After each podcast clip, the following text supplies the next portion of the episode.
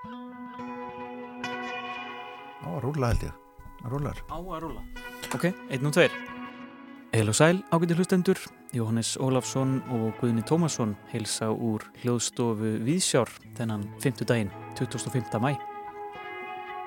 Á dagskrá hjá okkur í dag tónlist Arthurs Lee, alþjóðlegu búkarvelunin og ungar spýrur með Sinfó.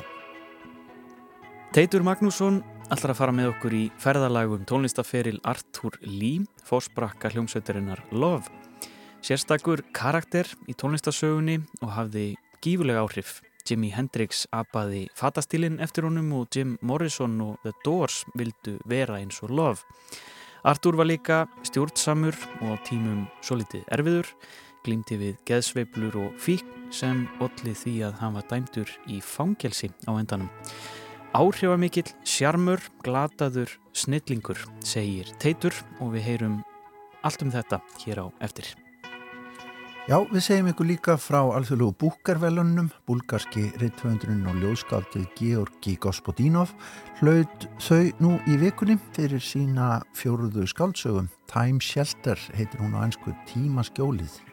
Þetta er í fyrsta sinn sem bók skrifuð á búlgarsku hlýtur þessi virtu velun og annað árið röð sem að bók hlýtur þessi velun sem er skrifuð á tungumáli sem ekki hefur hlotið búkarinn áður.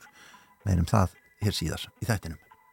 Og svo hugum við að tónleikum kvöldsins hjá Symfóni Hljónst Íslands undir yfirskriftinni Ungir einleikarar. Þar koma fjórir ungir tónlistamenn fram með sveitinni. Þrýr söngvarar Ólafur Freyr Birkisson, Ragnæður Ingun Jóhannsdóttir og Þórgunur Anna Örnársdóttir og Þórhildur Magnúsdóttir, víóluleikari. Þau segja okkur í þetta dagsins hvað þau ætla að taka sér fyrir hendur á tónleikum kvöldsins. Þeir verða hljóðritaður og sendir út á sunnudag hér á Ráseitt. En við ætlum að hefja þennan þátt á erlendum bókmöntum því búlgarski rítöfundurinn og ljóðskáldið Georgi Gospodinov hlaut nú í vikunni alþjóðlegu búker velunin fyrir skáldsöguna sína Time Shelter, tímaskjólið í þýðingu Angelu Rodell. Þetta er í fyrsta sinn sem bók skrifuð á búlgarsku hlítur þessi virtu velun og annað árið í rauð sem bók hlítur þessi velun sem skrifuð er á tungumóli sem ekki hefur hlutið búkerinn áður. En í fyrra var það dóðrandurinn Tomb of Sand eftir Gitanjali Sri sem skrifuð er á hindi. Gospodínov er skálsagnahöfundur, ljóð og leikskáld, einn virtasti og mest velunaði höfundur búlgara á síðari árum og áberandi rött í afrúskum bókmyndum síðustu 20 áriða svo. Tímaskjólið fór beint á toppin í Búlgaríu þegar bókin kom út árið 2020 og vann streka Evrópu velunin í bókmyndunum. Skálsagan segir frá dularfullum flökkumanni að nafni Gostín sem að opnar klínik fortíðar eins og það er kallað býður upp á þjónustu fyrir fólk með Alzheimer sjúkdómin. Þar er áratugunum púslað saman í minni sjúklingana. Hinn naflausi sögumæður bókarinnar er aðstóðarmanniskja Gustín sem á að sapna saman hinnum og þessum hlutum og endurgera eða sviðsetja fortíð sjúklinga. Það spyrst svo út að herbergin eru að virka vel og æg fleiri fara að sækja í þessa undaljú klíník og það ekki endilega fólk með allsami sjúkdóminn. Það vil einfallega leita í þetta tíma skjól ef svo má segja. Úr þessu verða til óvæntar fléttur og beigur og þessi bók hefur hlotið mikið lof gaggrinenda og nú alþjóðlu búkar velunin. Þetta er spennandi. Mm -hmm. Og Georgi Gospodinov var gestur á bókmentaháttíð hér í Reykjavík árið 2013 og við ætlum aðeins að gramsa í gull kistu ríkis útvarpsins og grýpa niður í þátt Jórunar Siguradóttur sem gerði þáttum um háttíðina og hlusta á Georgi lesa upp í Yðnó. Það var Einar Kárasson sem kynnti hann á svið.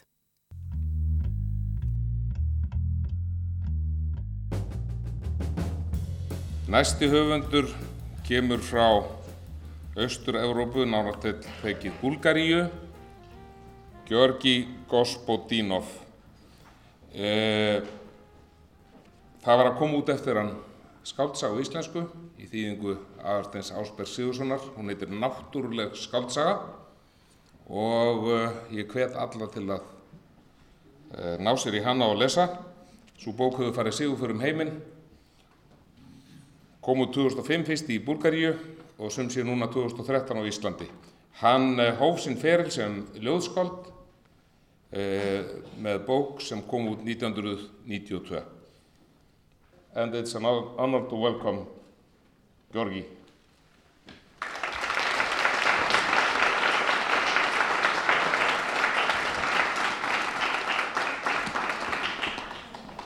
Thank you. I like the cover of this novel, so I will show it. Thank you, Adelstein. When I was nine years old, Бог ми се откри за първи път под формата на електрическа кружка. Ето как стана това. Заведоха ни на екскурзия в София. След зоопарка ни вкараха в Александър Невски, защото почваше да вали дъжд. Обясниха ни, че това, в което ще влезем, не е църква, а храм паметник.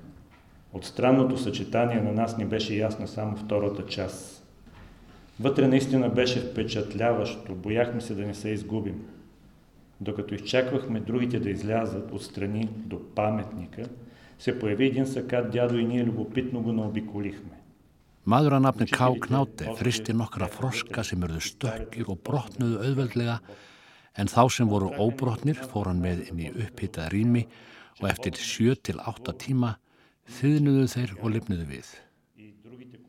Tímaritið náttúra 1904. Þegar ég var nýju ára kom Guð til mínu fyrsta sinn dölbúin sem ljósapera. Það gerði svona. Ég fór í skólaferðala til Sofíu. Eftir heimsókn í dýragarðin var farið með okkur í Alexander Nevski domkirkjuna, kannski vegna þess að að nálægt henni og það var farið að rigna. Okkur var sagt að það sem við værum um það byrja að stíga inn í væri ekki kirkja heldur musteris stórvirki. Við skildum aðeins setni hlutana af þessari undarlegu samsetningu en við höfðum ekki ímyndað okkur að stórvirki litu svona út.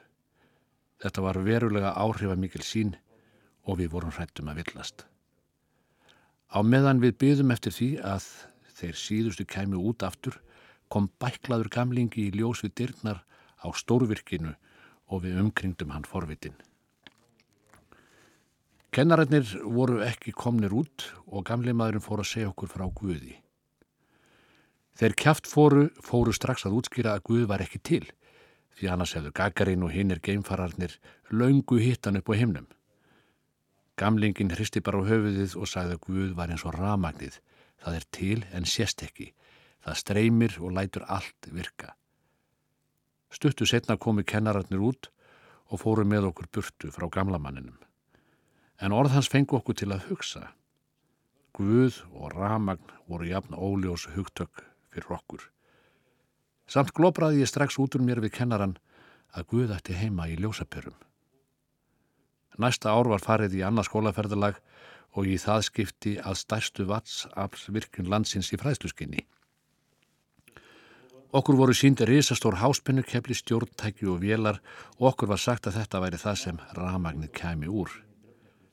Kennarin fór með mig afsýðis og spurði hvort ég trúði ennþá bullinum Guð og ramagnið. Ég var orðin stærri og svaraði neytandi. Samt hugsaði ég alltaf á sömu leið heima þegar ég kveikti á lampa eða eldavílinni. Það var Guð sem lísti og eldaði. Този път в най-голямата водно-електрическа централа с научна цел. Показаха ни огромни бобини, железа, мотори и ни обясниха, че от тук идва електрическия ток. Учителката ме издърпа на страна и с много сериозен глас ме попита още ли си мислил тези глупости за Господ и ток? Бях вече голям и казах, че не. Но вкъщи винаги имах едно на ум, когато включвах лампата или котлона. Бог светеше любов. Всяка нощ да сънуваш жената, до която лежиш. Ást. Að dreyma hverja nótt konuna sem kvílir næstmanni. News. Fréttir. Hún brítur saman blaðið og segir Varstu búin að sjá það? Í Æjóva kom haglél, höglin á starð við golfkúlur. Sattir það, segi ég. Þeir eru alltaf í golfiðar. Hafa týnt svo mörgum kúlum og núna koma þær tilbaka. Hann skilar þeim aftur, skiljanlega. Hann Æringin mikli skilar þeim öllum kúlunum. Henn er ekki skemmt. Hún snýr sér óttaslegin að mér og segir Hann hittir alltaf. Нюс. Тя затваря вестника и казва, чете ли, в Айова паднал град, парчета като топките за голф. Така е, казвам аз, защото там прекаляват с голф. Изгубили са много топки, те сега се връщат. Той им връща топките. Нали разбираш? Он е шегаджия. God is red, ripe and perfect. God is a tomato. It's not an offense neither to God nor to the tomato.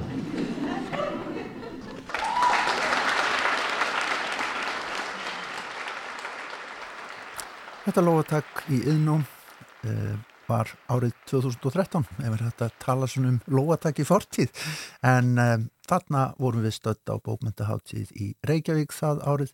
Við heyrðum þarna brot úr uppleistri Georgi Gospodinov sem var gestur á háttíðinni það árið. Hann hefur nú hampað alþjóðlegu búkarvelunum fyrir sína fjórðuskáldsögu Tíma skjólið, Time Shelter heitir hún. En fyrir þau ykkar sem að vilja kynni ykkur önnurverk þessa höfundar þá er eins og fyrir segir til íslensk þýðinga á skáldsögu Georgi, náttúrulega skáldsaga í þýðingu aðalsteins Ásberg Sigurssonar. En á eftir þessu þá ætlum við að fá búlgarska tónlist ONS. Fyrir nokkrum árum þá var mikil heimst, eða svona kringum aldamöndin 2000 myndi ég halda þá var mikil svona heimst tónlistarbilgi eins og þá var kallað hérna á Vesturlöndum að vera að hlusta og búin að vista Club frá Kúbu og svona hinn og þessa tónlistamennur ímsum heimsálfum, þetta er auðvitað allt runnið saman og sundur í dag þegar maður getur nálgast allan heiminn gegnum netið og, og fengi tónlist hvaða næfa að.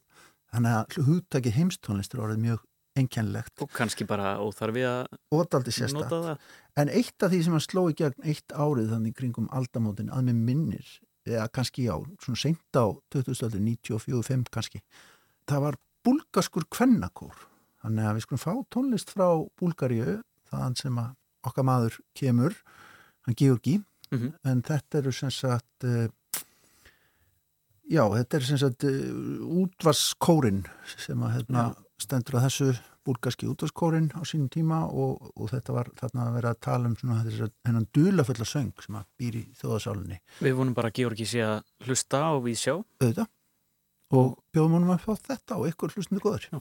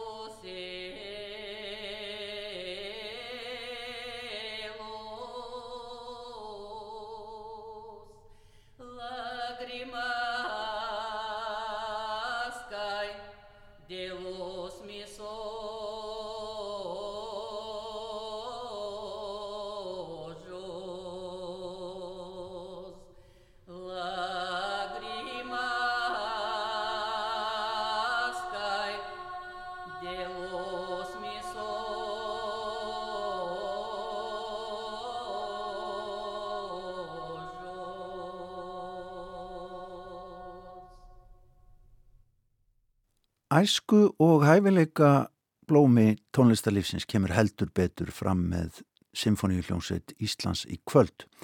Fjórir ungir einleikarar stíga á stokk með sveitinni.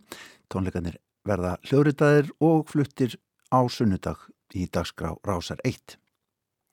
Efniskrá tónleikan í kvöld sem að hefjast klukkan 19.30 í Eldborg í Hörpu er fjölbreytt.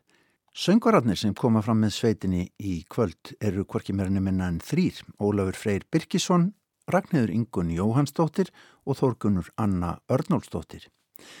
Auk þess kemur fram með sveitinni Þórhildur Magnúsdóttir víjóluleikari og leikur víjólukonsert Williams Walton. Melkorka Ólafsdóttir hitti listamennina og fekk þá til þess að segja aðeins frá verkefnavalinu sínu á þessum tónleikum, ungir einleikarar. Við heyrum fyrst í Þórgunni Önnu Örnólfsdóttur. Fyrst ætla ég að flytja lagið La Flute Enchanté eða hinn töfrandi flauta, seðmagnaða flauta eftir að vel og því næst arjuna og La Pitoyable Aventure úr óperunni Löra Spanjól eða hið umkunnarverða ævintýr úr óperunni Spænski tímin eftir að vel.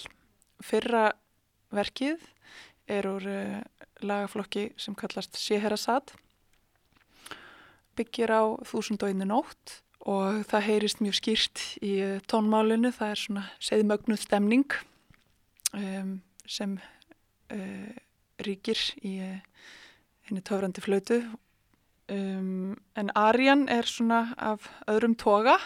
Allt önnur stemning. Hún, óperan gerist á átjöndu öld á Spáni og segir frá henni frökku Conception sem er svolítið skröðlur karakter.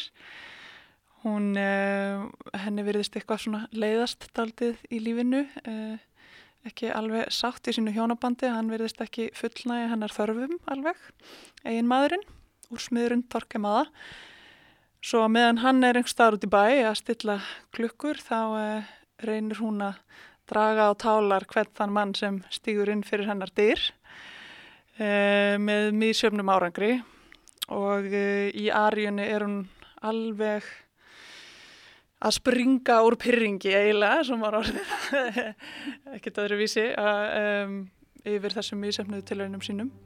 Í síðar hlutatónleikana snýr Þórgunur annars sér að einhverjum frægustu barokk arjum tónlistasögunar. Það er semst tvær arjur úr óperunni uh, Dido og Eneas eftir Pörsel og uh, sagan byggir ju á uh, Virgli fjóruðu bók Virgils um, og fjallar um drotningun af Karthagó, Dido og Eneas Tróju Kappa og í fyrri arjunni Appelinda er hún um, já, svona inn, innri tókstreita hún er orðin ástfangin að Eneasi hann var búin að heita því að lofast ekki öðru manni en, en látnum með heimanni sínum. Svo hún lýsir þarna við Belindu, hún sé alveg þjökuð af um, já þessari forbóðnu ást. Og og svo fella þau í saman og, og en því líkur jú, eins og kannski fólk veit að, að, að fólk þekkir að, að hann svíkur Dito og til að fylgja sínum einu örlögum sem er að stopna nýtt trójuríki yfirgifur Dito og hún er þarna sárbrotin í setni arjunni When I am late og ákveður að yfirgefa þessa jörð og syngur eina fegursta arju tónlistasögunar Jú, mikið rétt. Saði Þorgunur Anna Örnársdóttir en heyrum næst í Ragnæði Ingunni Jóhannsdóttur sem er bæði einsöngari og reyndar lærir hljómsveitastjórnum þessa myndir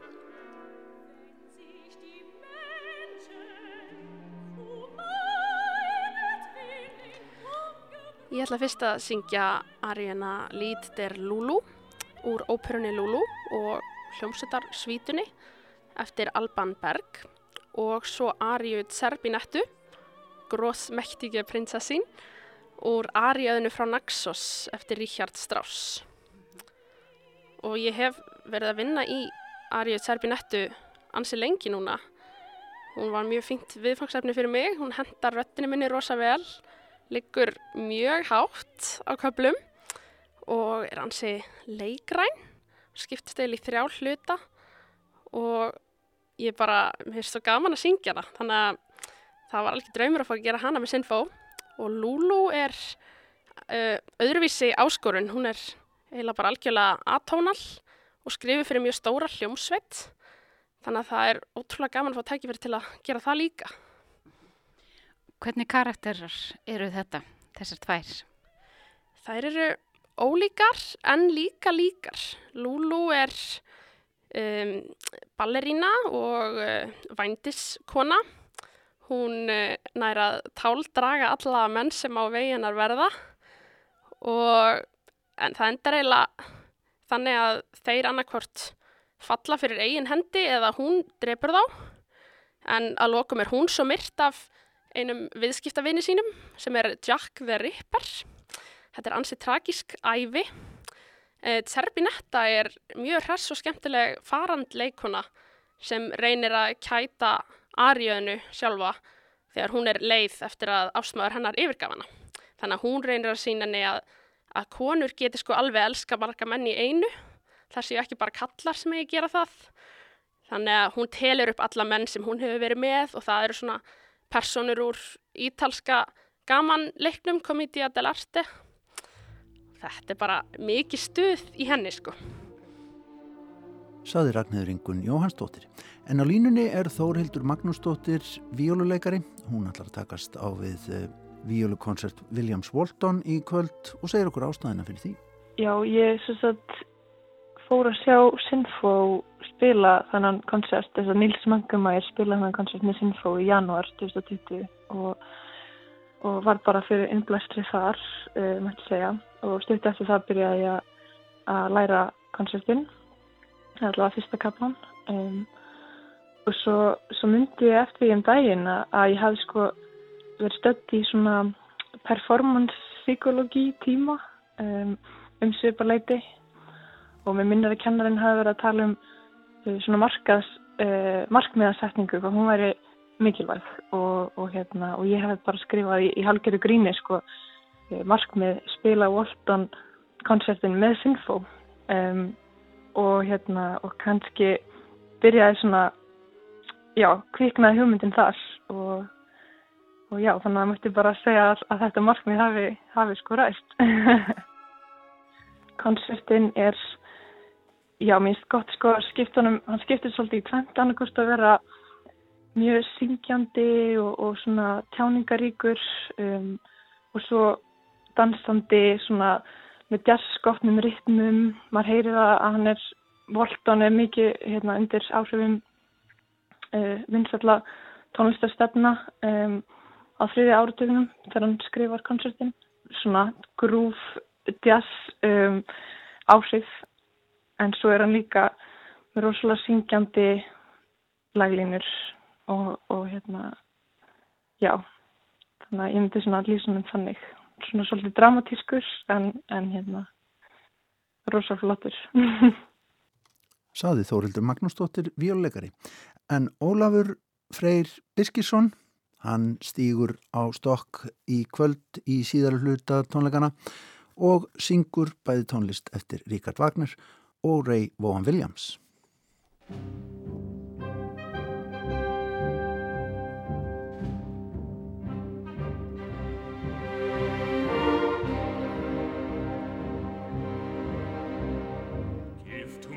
life I love, let the life go by. Uh, ég ætla að syngja uh, Ódúmæn Holder Abenstern úr Tannhäuser eftir Wagner og svo tvö ljóð úr Songs of Travel eftir Vaughan Williams, uh, The Vagabond og Whither Must I Wander. Hvað var til þess að þú valdir þessi verk?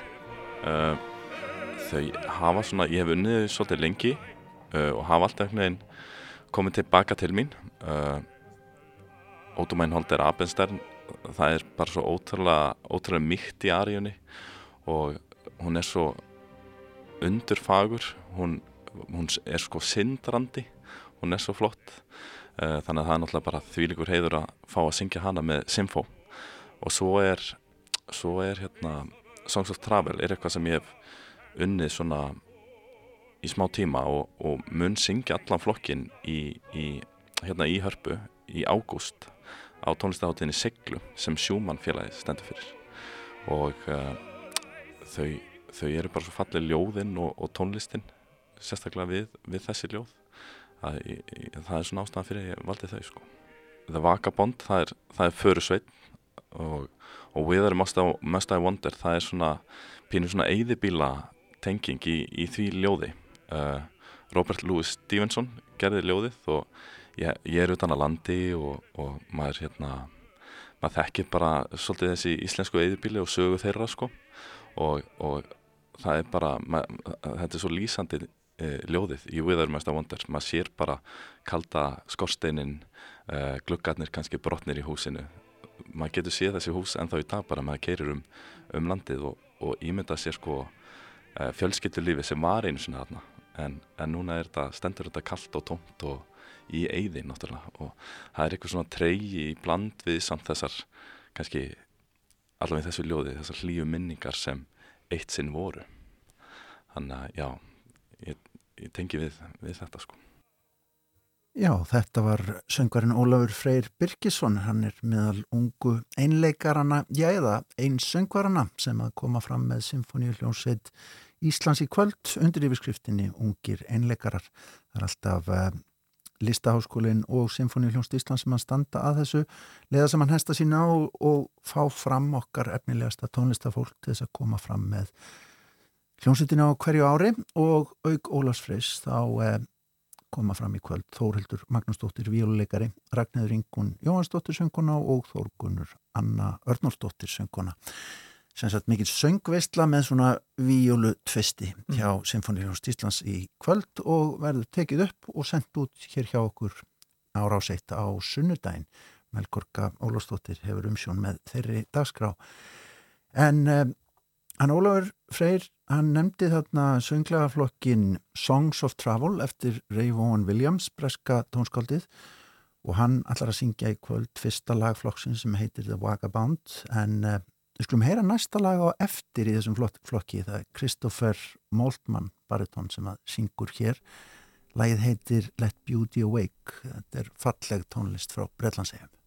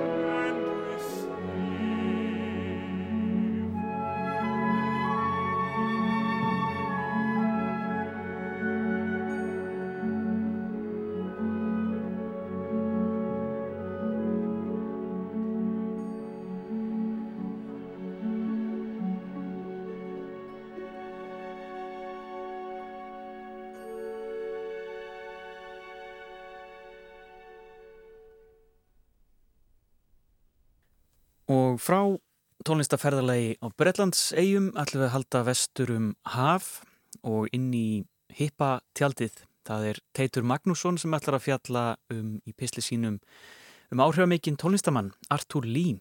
Áhrifamikill sjarmur, glataður, snillingur, segir Teitur. En við skulum byrja á því að hlusta á hljómsveit Arturs Love, förum aftur til ársins 1966. Mm-hmm.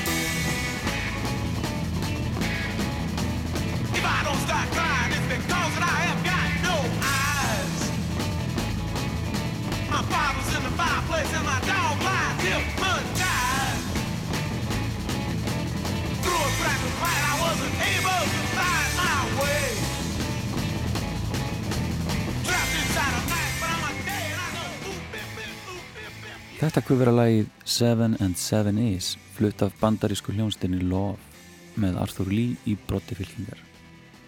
Hann var sangallað söngvaskáld, rockari sem elskaði að syngja ljóðin sín og vísar titill lagsins í sameigilegan afmælistag hans og þáverandi kæristi 7. mars. Arthur var sérstakur karakter í tónlistasögunni og hafði gífurlega áhrif. Jimi Hendrix apaði fatastílinn eftir honum og Jim Morrison og The Doors vildi vera eins og lof. En Arthur sem sló ungur í gegn gæti verið stjórnsamur og erfiður, klimti alla tíð við geðsveiflir og fík sem allir því að hann var dæmtur í fangelsi. Áhrifamikill sjarmur, glataður, snillingur.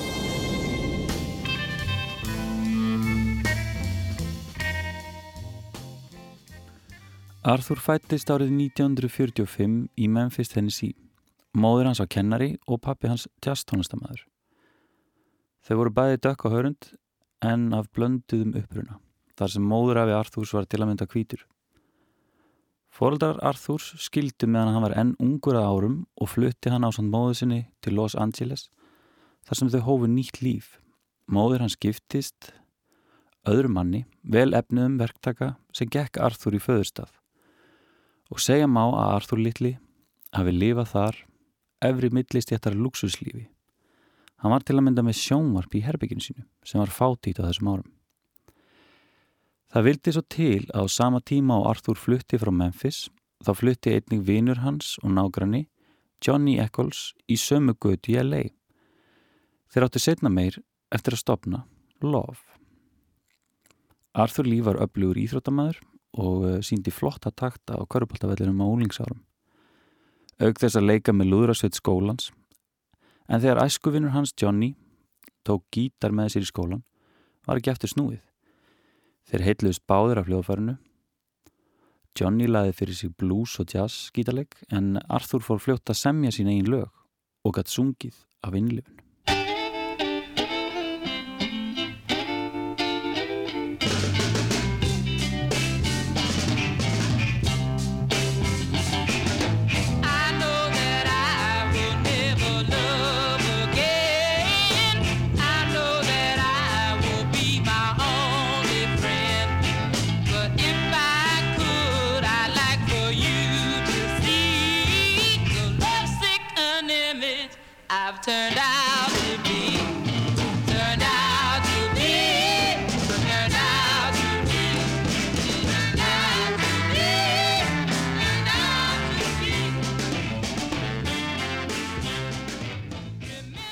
Áður en lof kom til sögunar reyndi Arthur ímislegt til að koma sér á framfari í tónlistin. Meðal annars samti hann lægið sem við heyrðum rétt í þessu, My Diary, fyrir sönguruna Rosalie Brooks og fekk í upptökusessjónið þá lítið þekktan gítarleikra að nafninu Jimi Hendrix. Little Richards hafði þá nýlega rekið Hendrix úr hljómsveitinu sinni fyrir óstundvísi og því hart í ári hjá gítargóðinu sem var á þessum tíma enn að fóta sig. Arthur fullirti setna meira að Hendrix hefði stólið fatastílum sínum en viðkynnti þó að vissulega veri Hendrix langt um betri gítarleikari. Þeir voru báðir blökumenn og það var á endanum Hendrix sem var frægast í svarti síkadelju meistarin og það gramdist Arthur Lee ætið og á myndum á sjá að Jimmy tók upp vilda lítrika stílun hans Arthurs því fyrir var hann í snirtilegum einföldum klæðnaði og með hárið sléttað. En árið 1965 stopnaði Arthur Love ásamt uh, æskuvinni sínum Johnny og þeir fenguð til þess við sig gítarleikaran, lagahöndin og söngvaran Brian McLean sem á þeim tíma var Rotary the Birds. Arthur vissi nákvæmlega hvað hann var að gera því gegna þessi tengsl kom sljónstinn strax inn í síkadelisku folkrocksinuna og fengu fljótlega plötusamning við Elektra Records í kjölfarið. Þarna var komin kjarnin að lof og samanáttu þeir eftir að skapa einstaka tónlist. Tónlist sveitarinnar hefur verið lýst sem eh, folkrocki, síkadelju, barokkpoppi undir spænskum áhrifum, bilskúlsrocki og frumpönki, svo eitthvað sem nefnd. Thank you.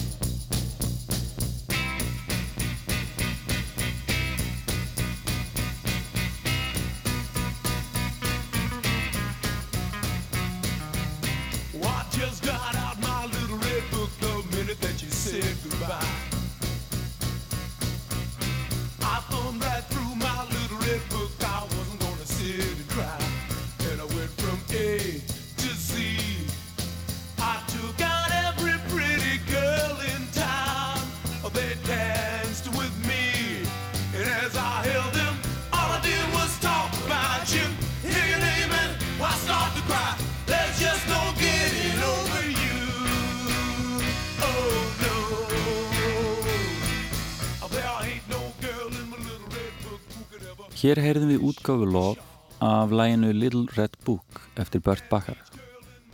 Burt var víst ekki sáttur með ábreyðuna því Artur hafði tekið sér það besalefi að breyta nokkrum hljómum en það kom ekki að sög því lægi sló í gegn í útvarpin í Kaliforníu og kom út á fyrstu plötu sveitarinnar sem var samnæmt henni. Hljómsveitin var sjóðandi heit um þetta leiti í LA og margir líti upp til þessara frumlegu förðufugla.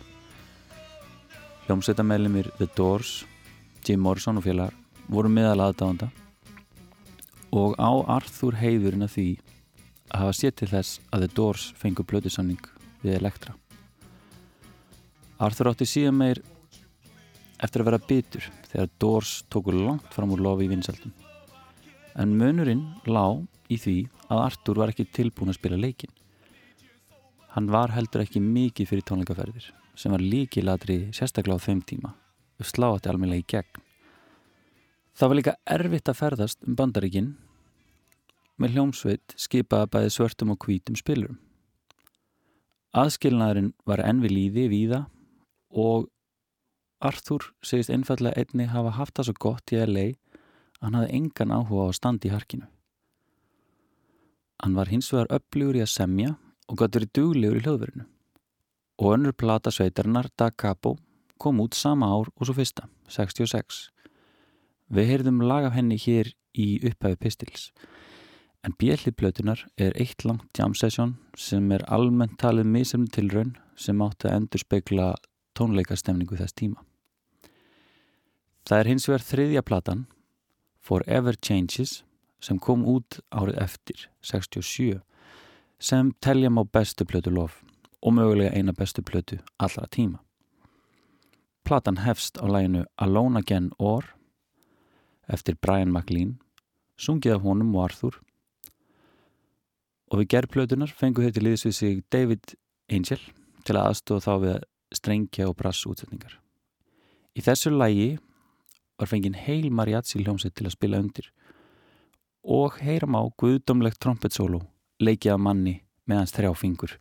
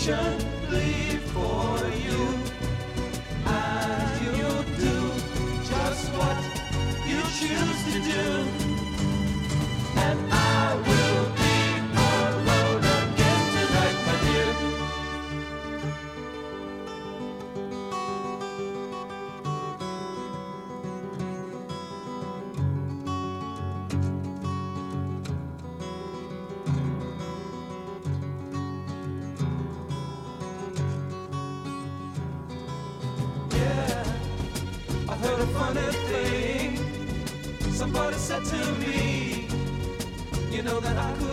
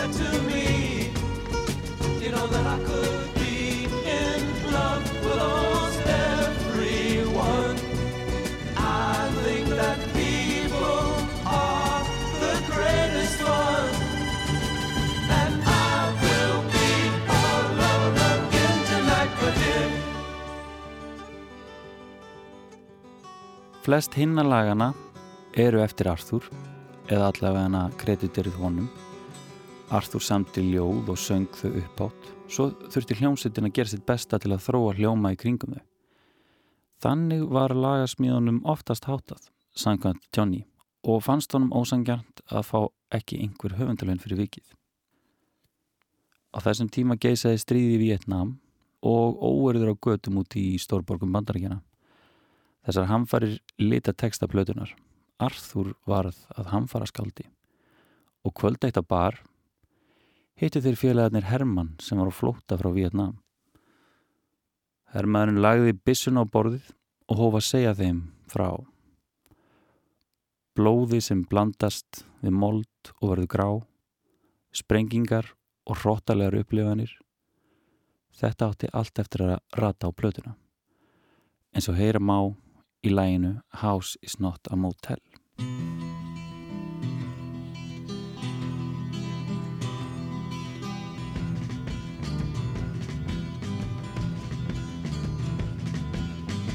At my house. I've got no shackles. You can come and look if you want to. Through the halls you'll see the mantles where the light shines dim all around you. And the streets are paved with gold. And if someone asks you, you can call my name.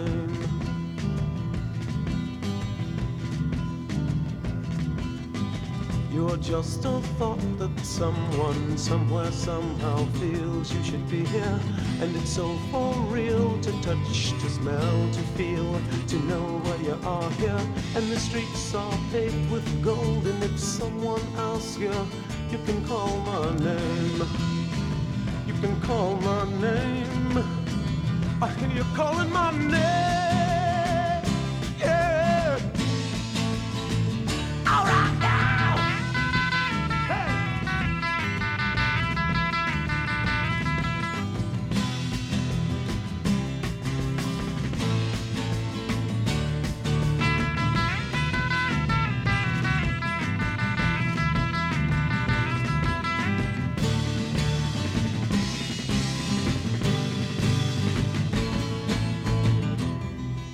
Hljómsveitin sprakk fljótlega eftir að platan kom út. Arthur var umkringdur aðdáðundum og áhangandum sem sögðu honum að hann væri bestur og hann fór að trúa því. Hann var að aðtikli sjúkur og ósangjall. Hinnir meðluminnir voru í svipari stöðu, auk þess sem eh, hörð eitulir voru farin að læðast inn og endanum rak Arthur alla og reyði nýja í staðin. Nýju gaurarnir vildi spila bluesrock og funk og Arthur leti leiðast en uh, nýju útgáðunar náði ekki sömu hæðum og það fjaraði undan ferlinum. Botninum var loks náð þegar Artur var dæmdur í 12 ára fangilsi árið 1996 eftir að hann hleyfti af skoti upp í loftið í nágrannherjum. Hann hafði áður settið inn í tvö ár fyrir íkveikju og var með ímis brot á sagaskráni fyrir vörslu, ólulegt axturslag og ofbeldi. Hann slapp út árið 2001 eftir að uppkomstu misferðli saksóknarins í málunu. Hann tók frelsinu fagnandi og af eldmóði setti hann saman nýja útgáfa af lof sem fylgdi eftir 35 ára útgáfa amali Forever Changes sem þá hafði náð svo gullum kvöld status. Platan var einstaklega vinsæl í Breitlandi og hófst tónleikaferðin í Royal Albert Hall í London. Loks fór Arthur Gamli á alvöru tónleikaferð sem spannaði Evrópu, Ástralíu og Norður Ameríku. Eitt loka upp klapp áður en hann dó úr kvítblæði fimm árum síðar.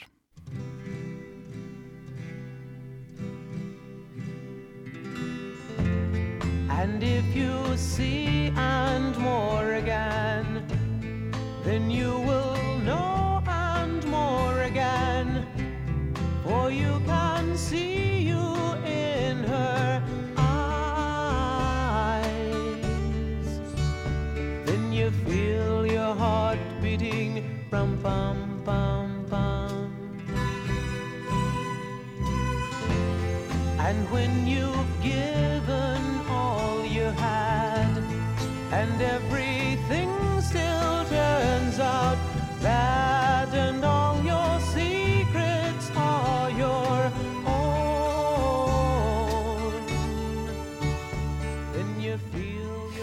Þetta lag heitir And More Again með hljómsveitinni Love frá 1967 Það var Teitur Magnússon sem að fjallaði um Forsbrakka Love og áhrifamannin Artur Lee Já, glataður snillingur en örgulega flottur náðungi, mörguleiti. Áhrifamikil sjarmur Já, það er ágætt að vera eitt slíkur. En um, ágættur hlustendur, takk hella fyrir samfélgina í dag. Við sjá verður fyrir aftur á mánudaginn eins og vennilega verið sæl.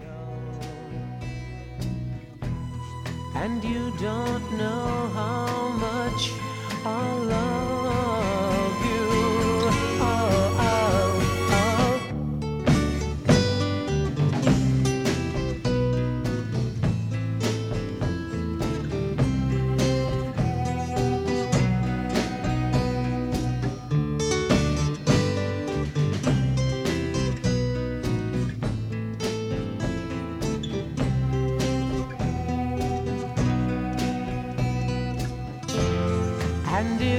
see